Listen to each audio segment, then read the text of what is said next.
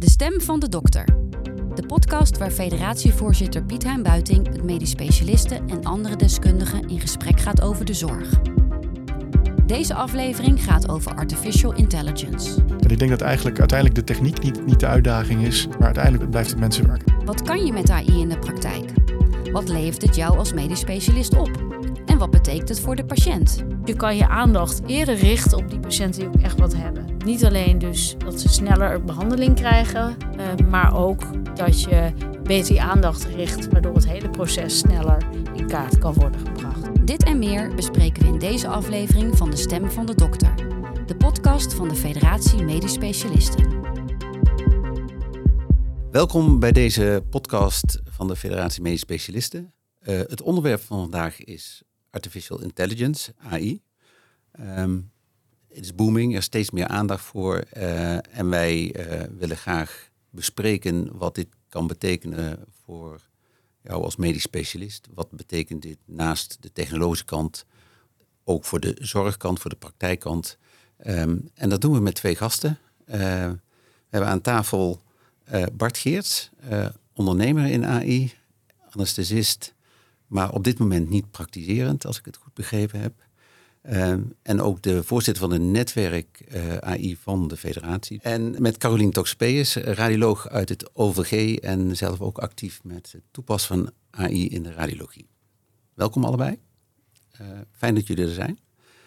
Um, en misschien gewoon om de setting of the scene. Um, ja, wat is AI eigenlijk? Zou je daar een definitie over kunnen geven? Ik zou het proberen samen te vatten als dat je een computeroplossing laat ontwikkelen voor een, een taak waar menselijke intelligentie normaal voor nodig is. Zo zou ik het eigenlijk uh, plat willen slaan. Je komt daar niet vanzelf in terecht. Uh, misschien uh, dat je eens vertelt hoe je daarin uh, terechtgekomen bent. Dus het gebeurt niet alle dokters op dezelfde manier. Ja, eigenlijk, eigenlijk per toeval ehm, onderzoek doend in de, in de academie, om maar zo te zeggen.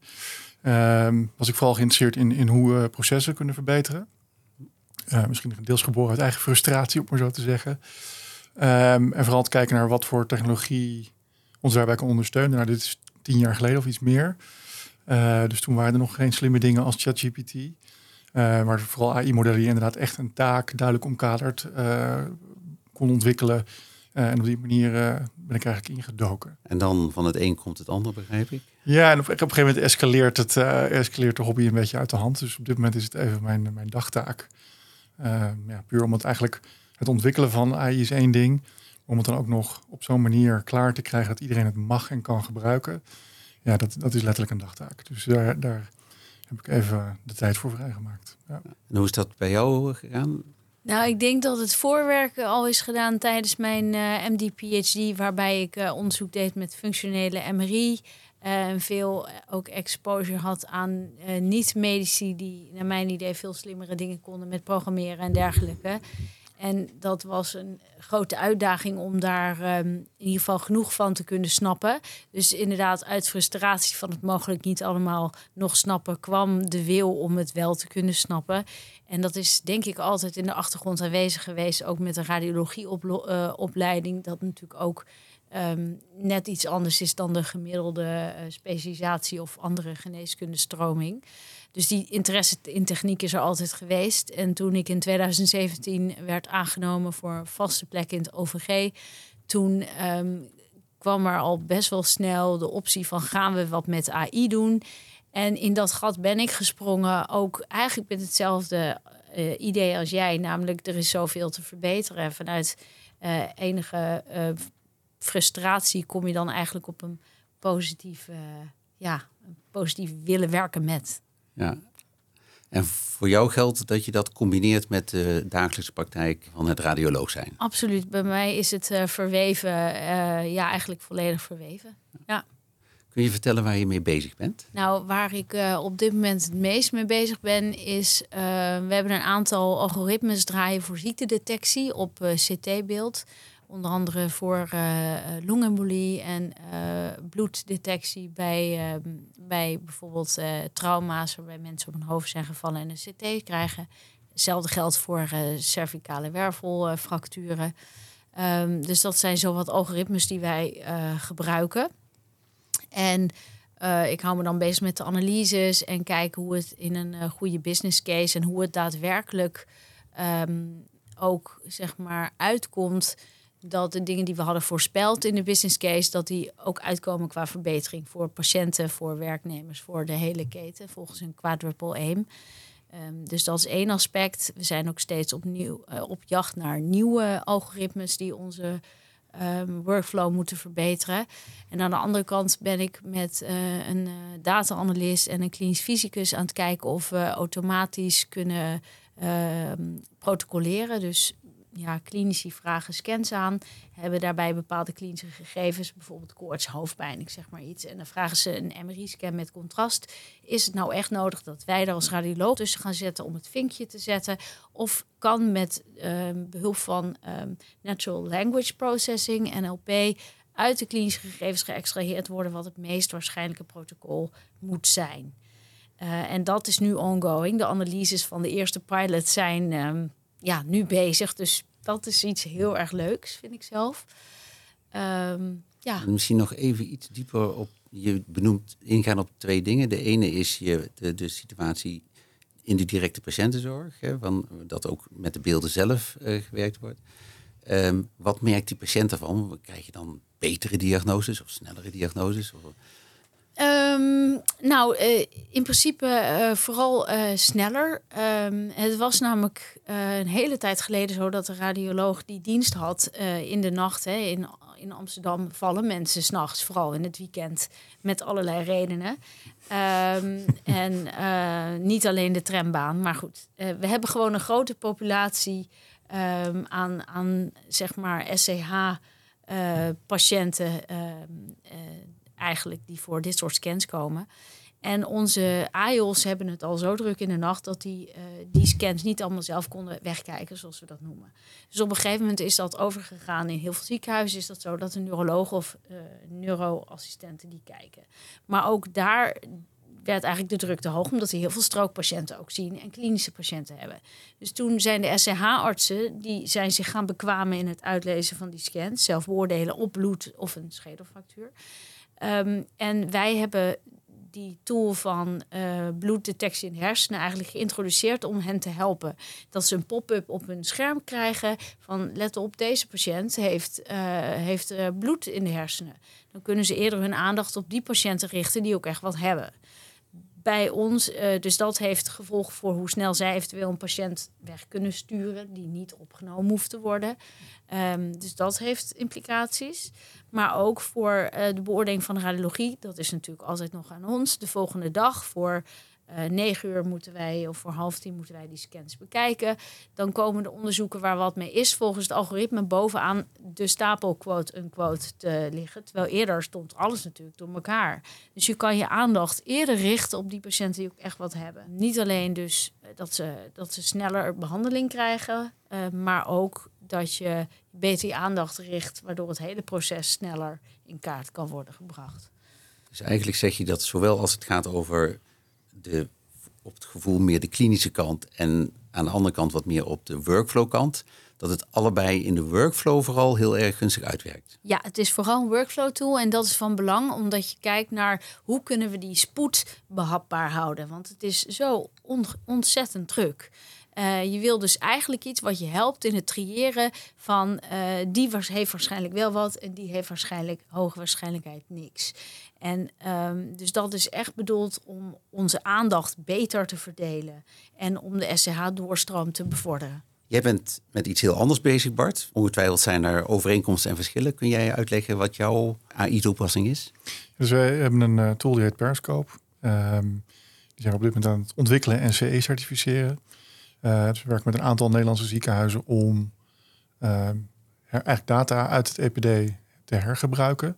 Dus al bestaande gegevens en uh, infecties rondom operaties te voorspellen. dat is eigenlijk het startpunt, want eigenlijk wil je het hele palet aan complicaties voor zijn, of in ieder geval dagen eerder weten dat ze spelen. Dus we zien nu dat een infectie gemiddeld op dag 5 wordt vastgesteld.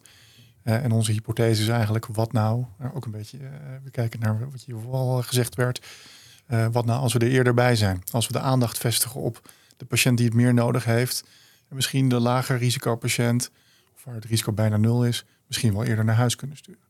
Dus dat is het idee. Dat is ook ingeplucht in die workflow. Dus een aantal woorden komen denk ik heel vaak overeen. Maar hier proberen we echt gebruik te maken van, dus niet de, de beelden uh, en ook niet zozeer de tekst, maar meer het andere gedeelte van het, uh, van het EPD. En het effect op de patiëntenzorg zelf? Nou ja, dat is nu uh, het, het, doel van het onderzoek wat, wat gaande is. Dus we zijn bezig met een onderzoek waarin we chirurgen vragen wat is de kans dat er nu een infectie is? De hechtingen zijn er net, net in, zeg maar. Um, wat is, dat is de gouden standaard, hè? intuïtie, gut feeling eigenlijk. Dus daar proberen we naar te kijken. We zijn eigenlijk in het bijzonder geïnteresseerd waar de, bij de patiënten waar ze zeggen, ik weet het eigenlijk niet zo goed. Uh, en, en wij denken eigenlijk dat daar de machine een mooie aanvulling gaat zijn. Dus, uh, ja, dus de workflow integratie en inderdaad kijken waar je in dat proces past. Dat is eigenlijk de, de belangrijkste overeenkomst, zou ik bijna willen zeggen. En als je dat dan zo beschrijft, dan is dat iets uh, wat je graag wil. Hè? Dat is jouw mm. verhaal ook, Caroline. Van de, als je dit zo hoort, ja, dat willen we toch allemaal? Hoe kom je van A naar B, om het maar even heel plat te zeggen? De mogelijkheden zijn groot. En toch weten we dat het best nog weer barstig is om het uh, allemaal draaiende te krijgen. Kun je daar wat over vertellen? Ja. Nou, ik denk in zijn algemeenheid komt er natuurlijk een heleboel bij kijken. Dat, is, dat is technisch. Het woord business case werd net genoemd. Ik denk dat we daar langzaamaan heb ik het idee dat we, dat we daar allemaal aan beginnen te wennen. Er zit een economische kant aan. En eigenlijk alles wat daartussen zit. Dus het, het begint bij wat is nu mijn workflow? Wat is het probleem? Um, past dit in het, ons technische oplossing, in ons landschap, op maar zo te zeggen? En dan moet je ook gaan kijken, en dat is denk ik een andere uitdaging, is dit veilig? Uh, en waar moet ik dan naar kijken? Ik denk dat radiologen overigens daar al net wat beter in opgeleid zijn, zeg ik even vanuit mijn uh, achtergrond als anesthesioloog. Uh, negatief voorspellende waarden is niet iedereen, waar, iets waar iedereen mee wordt opgeleid. Dus al dat soort aspecten komen denk ik naar voren. Maar ook bias. Uh, dus er zijn allemaal denk ik elementen die je, die je moet beoordelen. Dat is niet simpel. Uh, dus ik denk dat we daar elkaar bij moeten helpen. Um, ja, en uiteindelijk moet je ook blijven meten of het veilig is en of die business case nog steeds klopt. Want uiteindelijk gaat er heel veel energie in. Je betaalt er misschien wel voor, maar in ieder geval uh, wordt er heel veel tijd aan besteed. Dus denk dat daar, dat zijn allemaal ja, onderdelen van de puzzel. Ja. En als je dat op de radiologie toepast, hè, blijkbaar een iets betere voedingsbodem voor AI dan sommige andere plekken. Um, hoe is dat uh, bij jullie? De dingen als veiligheid en, en weten we wel zeker dat we terugkrijgen wat we moeten terugkrijgen, betrouwbaarheid, dat soort dingen? Ja, dat speelt natuurlijk ontzettend. Uh, ook bij ons. En die risicomitigation, zoals dat uh, met een mooi woord dan ook vaak wordt genoemd. Um, dat zit erin besloten dat in principe als je het wil, als je een, een algoritme wil wil gaan gebruiken volgens de regelen van de kunst, ga je het um, eerst testen op je eigen data. Dus je gaat het uh, prospectief een accuratesse-studie uh, uitvoeren. Dat is ontzettend time-consuming. Uh, en daaruit haal je dus je sensitiviteit, je specificiteit, je MPV en je PPV. Waarvan die laatste twee parameters weet ik ook niet of alle radiologen altijd doordrongen zijn dat dat zo belangrijk is. Ik heb er zelf ook overigens een hoop van geleerd door het zelf allemaal te moeten doen.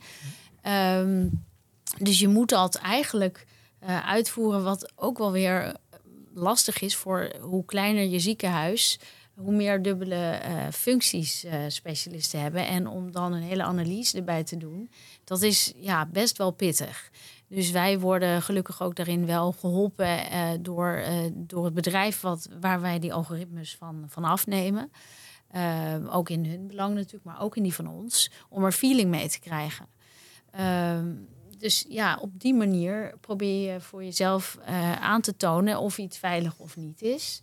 En daarbij hoort ook een stukje um, handleiding van hoe te gebruiken. Is het volledig standalone en zeg maar hand over de ogen en, en we laten het werk doen? Of um, zeg je er duidelijk bij, dit is een workflow tool. Dus altijd moet er nog een radiologische beoordeling zijn tot nu toe. Hè. Dat kan natuurlijk in de toekomst echt wel anders liggen. Uh, maar uh, het is het tweede paar ogen wat vooral ons moet helpen in de avond-nachtondersteuning en bij grote volumina onderzoeken. Ik heb het over bloed in de, uh, in de, bij de CT gehad voor trauma's. Maar hetzelfde doen we bijvoorbeeld bij al die oncologische follow-up scans. Die zijn tegenwoordig om de paar maanden vanwege al die nieuwe therapieën. Um, kunnen allemaal longembolie hebben, omdat een complicatie is natuurlijk wat we weten van een oncologisch probleem. Um, met het algoritme wat wij gebruiken, kunnen we zelfs die incidentele longembolieën opsporen. Ehm, waarmee je dus ook weer, ehm, daarvan moet je dus dan ook weer aantonen dat het uh, relevant is. Dus niet alleen is het zo, werkt het goed, maar hoe relevant is deze longembolie? Hadden we daar echt wat mee gemoeten? Dat zagen die weer daaruit voortkomen. Dus je moet blijven nadenken. Precies, ik denk dat het ook heel goed is dat je dan realiseert waar is het algoritme gemaakt? Werkt het ook voor mijn populatie? Nou, een van de tools die ik net voorbij hoorde komen, uh, weet ik van dat er, uh, dat er een verschil is tussen bijvoorbeeld de schedel van een Chine iemand met een Chinese achtergrond en een Europeaan. en dat daarmee ook de, de, de hele performance kan veranderen. Dus dat is wel goed om, om, om in je achterhoofd te houden. hoe kan ik het gebruiken? En als je dit zo vertelt, dan krijg je langzaam maar zeker van... en hoe doe je dat allemaal? hoe krijg je dat voor elkaar? ja, je benoemde net al even de tijd. Hè? Dat is natuurlijk een belangrijk punt. Maar ook hoe overzie je zo'n groot traject? Want dit zijn trajecten met vele stappen die niet eh, zeg maar alleen maar van begin tot het eind te voorzien zijn waarschijnlijk. Dus, uh, Kun je daar wat over vertellen? Ik denk dat zeker in het begin een radiologie loopt in die zin ook gewoon voorop, denk ik. Uh, die zijn gewoon echt al langer hiermee bezig. Maar ik denk dat iedereen die een dergelijk project in, in zijn of haar ziekenhuis heeft gedaan, dat hij er wel achter gekomen is dat je toch een aantal stappen maakt en dan wat, wat over het hoofd gezien hebt en weer vijf stappen terug moet. Uh, tot grote frustratie van iedereen. Um, dus, kort geleden is de, of vorig jaar is de, is de uh, leidraad voor de toepassing van, dit, van AI naar buiten gekomen door het ministerie ondersteund. Het ministerie van VWS. Um, ik heb het idee, of wij hebben het idee, zeg ik maar even vanuit, de, vanuit het netwerk, dat, dat dat iets is waar we, waar we eigenlijk verder mo moeten om het concreter te maken. Ik denk dat we eigenlijk min of meer zitten te wachten op een soort stappenplan. Van welke, wat is nou eigenlijk het, het geheime recept? Waar moet ik sowieso aan denken? Uh, en welk werk hoef ik niet opnieuw te doen? Want een business case maken, dat, daar kijken we denk ik allemaal helemaal tegenop. heb ik in het verleden ook gedaan, toen keek ik er echt tegenop. Nu is het eigenlijk iets waar wat je, ja, daar, daar heb je gewoon templates voor. Daar kan je gewoon mee geholpen worden. Ja. Uh, en dat maakt dan weer de communicatie met een raad van bestuur of met afdelingsleiding een stuk makkelijker. Dus ik denk dat daar, um, nou goed, we spreken natuurlijk even vanuit, uh, vanuit die achtergrond. Ik denk dat daar echt wel vooruitgang te boeken is. En is dan zeg maar de gedeelde ervaring voldoende overlappend om inderdaad tot dat soort stappenplannen te komen? Want ik denk dat als je dat hebt, dat iedereen die daarmee aan de gang wil gaan, op welke manier dan ook, heel erg mee geholpen zal zijn. Kijk jij daar tegenaan?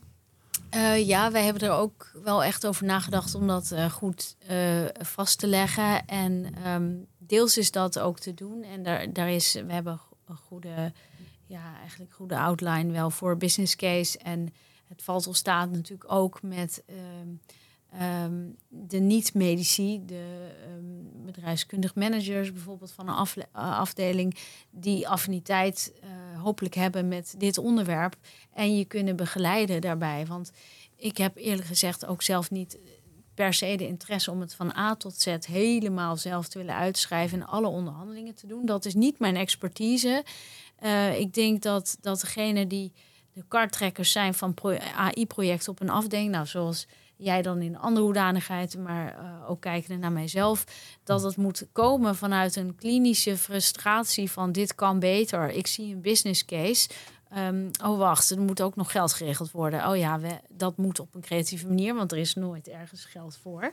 Dus dat heeft mij ontzettend gedwongen op een creatieve manier om te gaan met, een, uh, met het genereren van een business case. Namelijk vanuit de gedachte, oh, radiologen moeten geholpen worden met het uh, hoog volume, laag complex onderzoek. Maar wacht even, hoe is dat? hoe dient dat een klinisch doel? Wat heeft de klinicus eraan? En dan ga je dus kijken, hoe is die workflow nou eigenlijk? Waar, kan ik, waar is die verbetering ook goed voor? En krijg ik die mensen aangesloten? Ja, kun je dat vangen in een werkstructuur, werkdocument? Misschien, ja, als je definieert van tevoren dat de klinici betrokken moeten zijn. Dat je dus met meer medisch specialisten en verpleegkundigen samen uh, voor een oplossing moet gaan. Als je dat in zo'n plan kunt zetten, lijkt het me ontzettend nuttig. Ja, want het is natuurlijk, eh, je bent aan het pionieren. En dan is het natuurlijk wel prettig als je de lessons learned van anderen wel kan gebruiken. Terwijl het aan de andere kant de essentie natuurlijk van pionieren is dat er mhm. geen vast pad ligt. Wat je uh, zeg maar van meet af aan succesvol kan inslaan. Uh, dat, dat zou een illusie zijn, denk dat ik. Dat is precies ook wat ik bedoel. Ja. Dat, dat, ja, die balans. Ja.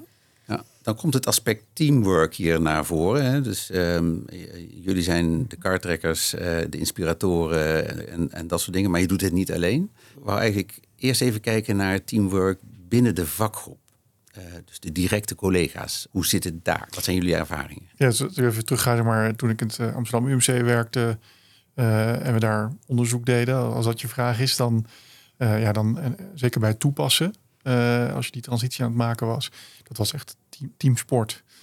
van degene die de materialen onderhouden tot uh, instructies meegeven. Nou goed, we hebben de mazzel gehad dat de instructies meegeven vrij, uh, vrij makkelijk was, omdat het vrij intuïtief gebruik was. Maar ik denk dat is echt dat implementeren, dat is gewoon een teamsport. En ik denk dat eigenlijk uiteindelijk de techniek niet, niet de uitdaging is, maar elke nieuwe tool die je inzet, is toch een kleine verandering in je workflow. De uitdaging is om het voordat je het gaat implementeren zo neer te zetten dat dat zo klein mogelijk is. Um, maar uiteindelijk is dat toch, blijft het mensenwerk. En die cultuur die daaronder zit, die, die is het belangrijkste eigenlijk. En als dat team dan goed draait, uh, wordt iedereen dan blij? Het is natuurlijk beperkt door de, de bril die ik op kan doen. Hè? Dus de, de, de casus die ik, uh, die ik gehad heb. Zou ik zeggen ja. Dus ik heb meer positieve reacties. Ook van de mensen die uh, nou, overwegend meer in de tegenstand staan. Gehad dan, dan bij andere innovaties. dus ik vond het eigenlijk makkelijker ook omdat je het makkelijker, hè, software is meestal makkelijker te integreren in je workflow. Um, ja, zag ik toch echt dat, dat de uptake echt sneller ging. En dat mensen daar ook voor uit durfden te komen. En dat vond ik nog misschien het meest bijzondere. Van, oh ja, ik, ik zat hier eigenlijk een beetje tegenop, maar... Hm. En dat, dat vond ik wel eigenlijk het meest opvallende. Ja, Het zal zeker niet zo met alle oplossingen zijn. En volledig afhankelijk van de casus, maar ja. En jou, Caroline, heb je echt net beschreven dat je het halve ziekenhuis zo'n beetje betrekt in de, in de vraagstukken. Dus dat team is daar nog groter. Hoe, hoe ging dat bij jullie?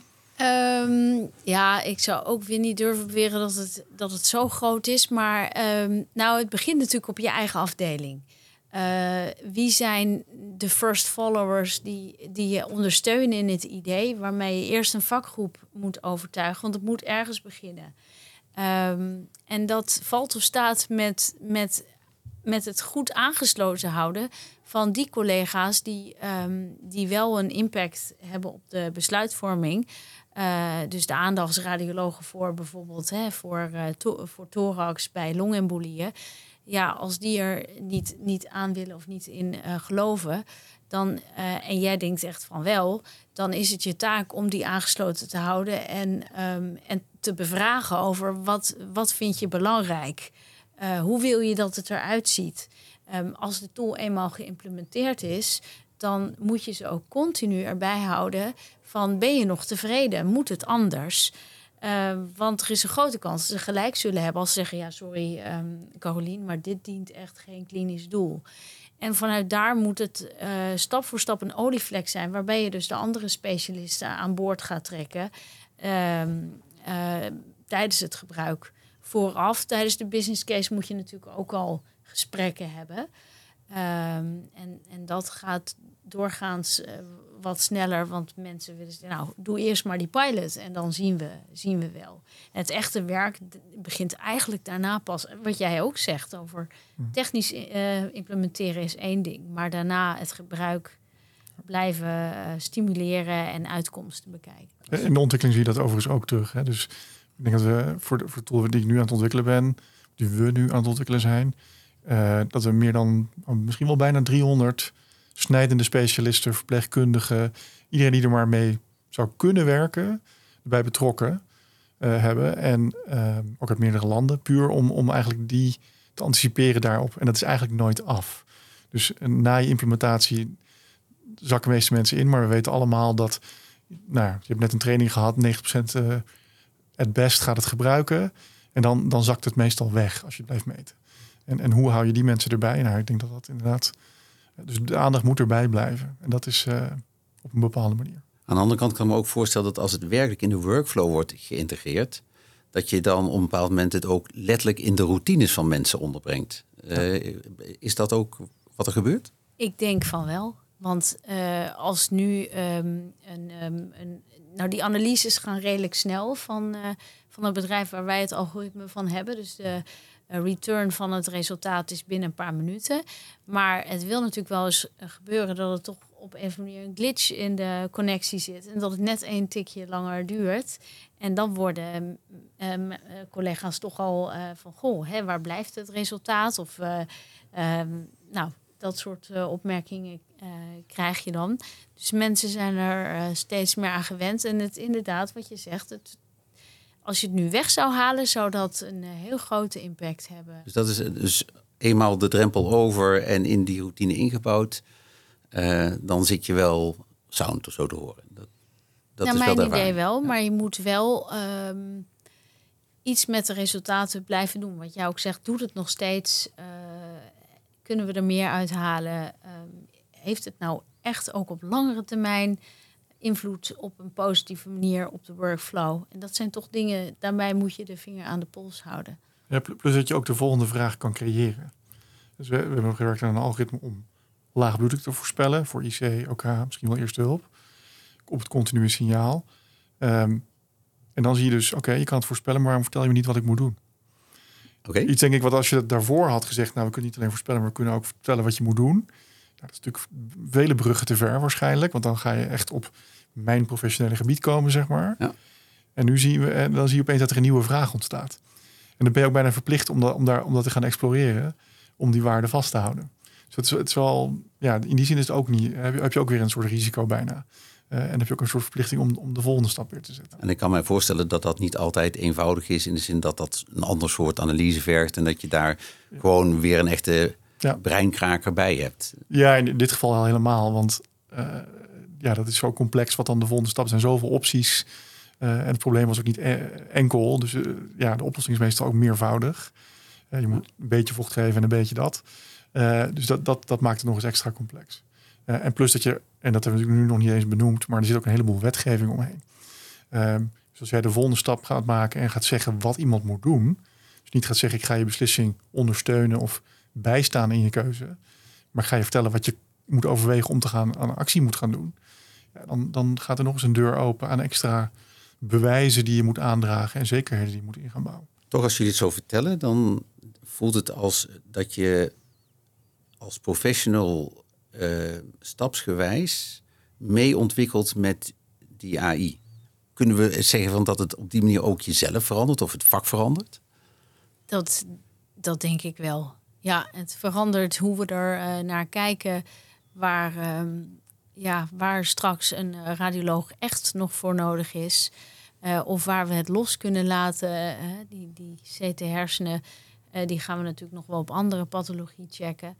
Maar ehm, op het moment dat dat scanvolume gewoon zo hoog blijft of te weinig mankracht om steeds alles zelf te bekijken, kun je ook zeggen, nou dat laten we gewoon over bepaald segment over aan AI.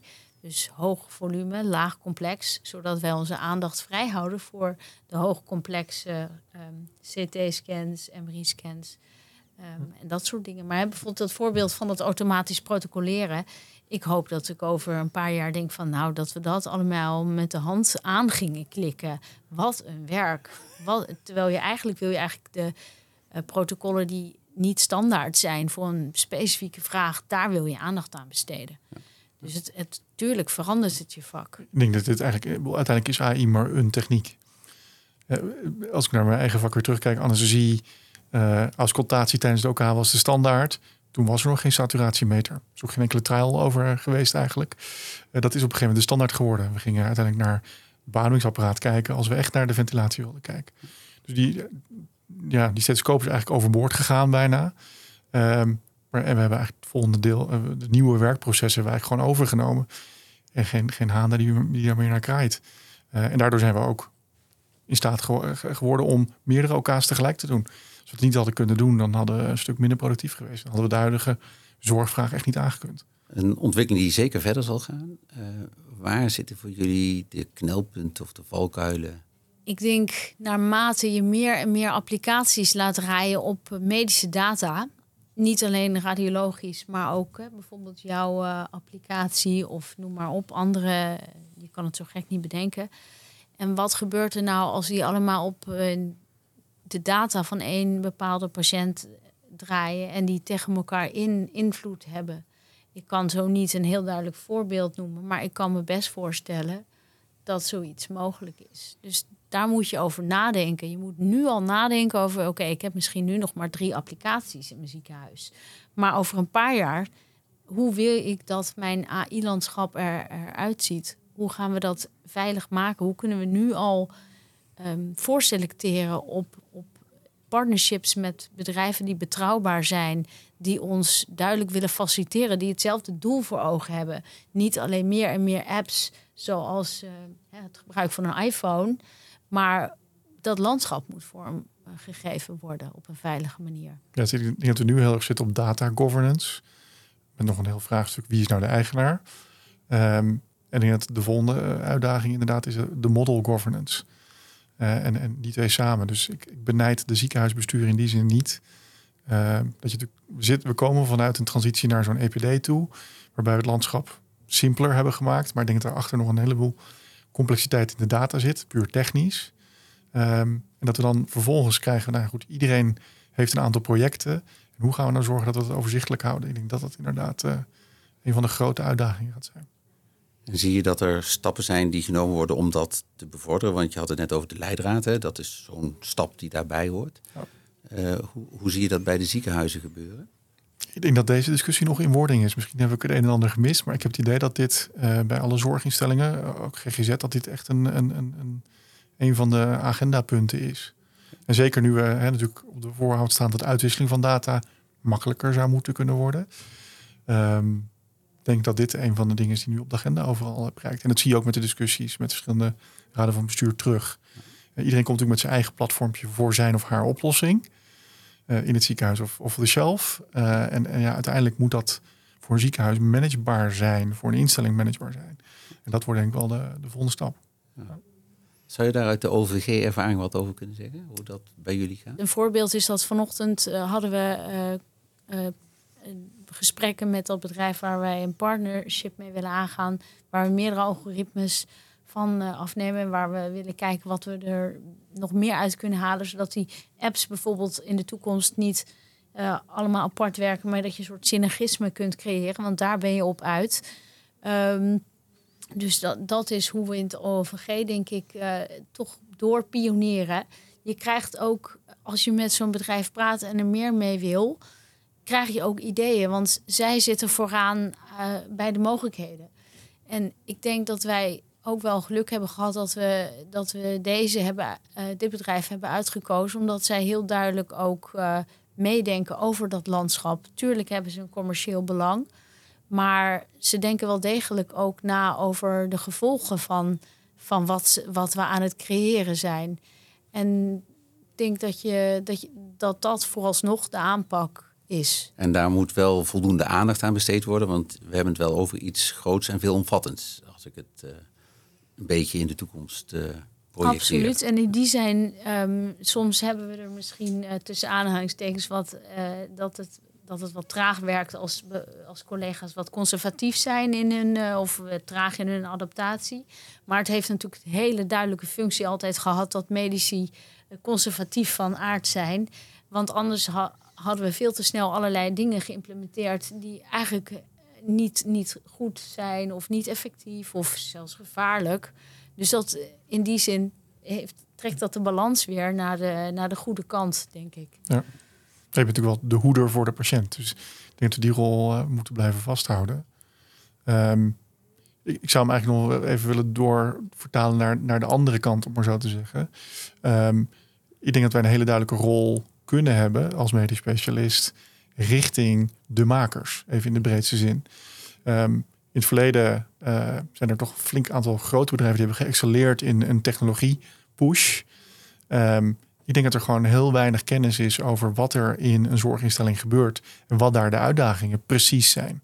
En dan krijg je iets wat wel raakt aan het probleem, maar toch niet echt een oplossing is. Uh, en ik denk dat als wij daar op wat voor manier dan ook een rol in kunnen spelen, dat dat ja, toch leidt tot meer zinnige, zinnige oplossingen dan, uh, uh, dan we anders zouden hebben. Ja. ja. dus misschien is dat meer een oproep. Uh, ja. ja. En misschien nog kijkend naar de specialist, collega die niet bij de pioniersgroep hoort, maar wel in die dagelijkse praktijk werkt en dit soort dingen langs kan krijgen. Hebben jullie tips voor eh, hoe ze zich zouden kunnen gedragen? Hoe moeten zij het aanpakken? Hoe moeten zij zich daarmee verhouden? Hebben, kunnen jullie daar wat aan meegeven? Ja, nu, nu preek ik natuurlijk een beetje vanuit de, de, het netwerk. Maar ik, ik denk dat we uh, met z'n allen eigenlijk moeten zorgen dat er vooral ook dat, we, dat we ons, on, ons kennisniveau op niveau krijgen. Uh, dus ik denk dat dat een soort verplichting aan jezelf en ook weer aan je patiënt eigenlijk is. Dit soort dingen komen eraan. Het zal misschien niet heel snel zijn, maar misschien wel sneller dan je denkt. Ik denk als je kijkt naar hoe Epic nu doorpakt en, en allerlei tools al in gebruik wil gaan nemen, ook in Nederland. en dan heb ik het over ChatGPT en toepassingen daarvan dan, dan denk ik dat we, ja, je kan het ontkennen, maar ik denk dat we toch wel iets aan ons kennisniveau kunnen doen. Ik denk dat als je het uh, over die collega's die niet de first followers, maar eigenlijk de uh, slow adapters zijn, moet je eigenlijk gewoon zeggen: durf te vragen. Stap naar die collega toe die, uh, die dit als aandachtsgebied heeft. want dat zeg ik ook tegen, tegen mijn collega's: vraag aan me. want het is een van je taken als als ja, voorvecht van AI of implementator op je afdeling om die rol op te pakken. Dus, dus echt laagdrempelig te zijn in je uitleg, nooit, uh, nooit te vermoeid om het weer opnieuw uit te leggen. Dus durf te vragen, collega, die, dat niet, die het niet als primaire aandachtsgebied Wij denken dat de gezonde criticaster, die wil je eigenlijk in je implementatiegroep hebben.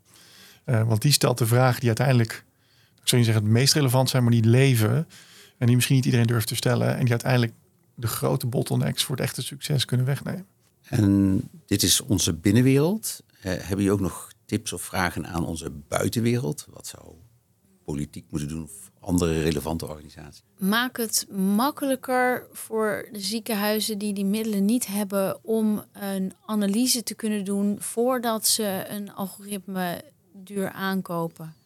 Maak het mogelijk met, uh, met het hoeft geen astronomische bedragen te zijn, maar help alsjeblieft om de specialist, dus de, de praktische toepasser, uh, ja, daarvoor iets van een beetje tijd vrij te maken. Anders krijg je dat um, algoritmes worden doorgedrukt en weinig tijd is om echt te kijken, helpt dit in mijn ziekenhuis? Ja, dus ik zou inderdaad willen pleiten voor een soort sandbox, uh, waarin de verschillende grote stakeholders allemaal een belang nemen. Uh, en dat, dat zijn de obvious, hè, dus de, de, de, zorgverzekeraars. Um, waarin eigenlijk een soort, soort risicovrij gebied wordt gecreëerd. Nu is het echt zo van, oké, ga ik dit doen? Want dan moet ik er dus letterlijk tijd en geld in investeren. Laten dat net de twee dingen zijn waar je als zorginstelling en als persoon binnen die zorginstelling te weinig van hebt. Um, dus als we inderdaad allemaal de mond vol hebben over we moeten meer sustainable zorg op, gaan, gaan, gaan leveren. Dit zou mogelijk een van de oplossingen zijn. Past het daar binnen?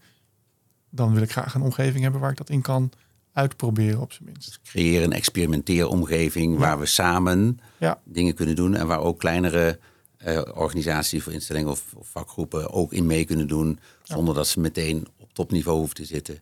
En op die manier kunnen we samen verder komen. Ja, waarbij falen ook mag. Ja, en dat is iets wat natuurlijk heel moeilijk ja. is. Dat is moeilijk. Um, maar als jij teruggeeft, dit project uh, heeft niet, is niet geslaagd, maar hier en hierom. En dit kunnen we als organisatie leren. Dat is meestal meer waardevol dan dat ene, die ene casus die niet gelukt is. En alle tijd en moeite die daarheen ging. Dus we moeten niet alleen experimenteren, maar vooral ook een leeromgeving hebben. Ja, en dat is natuurlijk een harde culturele punt meer. Ja. Ja, want de rekening ligt te veel op dit moment bij de ziekenhuizen en de uitvoerende uh, dokters. Dus uh, helemaal mee eens. Ik zie heel veel kansen. Ik zie ook heel veel bewerkelijkheid. Er moet nog veel gebeuren om die kansen ook daadwerkelijk waar te maken. Maar uh, ja, heel hartelijk dank dat jullie je licht hebben laten schijnen over deze ontwikkelingen. Zo van binnenuit. Carolien, Bart, van harte bedankt. Um, ja, en luisteraar, dank dat je luistert natuurlijk. Maar vooral ook Um, als je vragen, opmerkingen hebt, uh, reageer uh, naar communicatie.demedischespecialist.nl en dan kunnen wij op de een of andere manier zorgen dat we dat bij de voorzitter van het netwerk zien te krijgen. Zeker, dank. Ja. Dank. Dankjewel.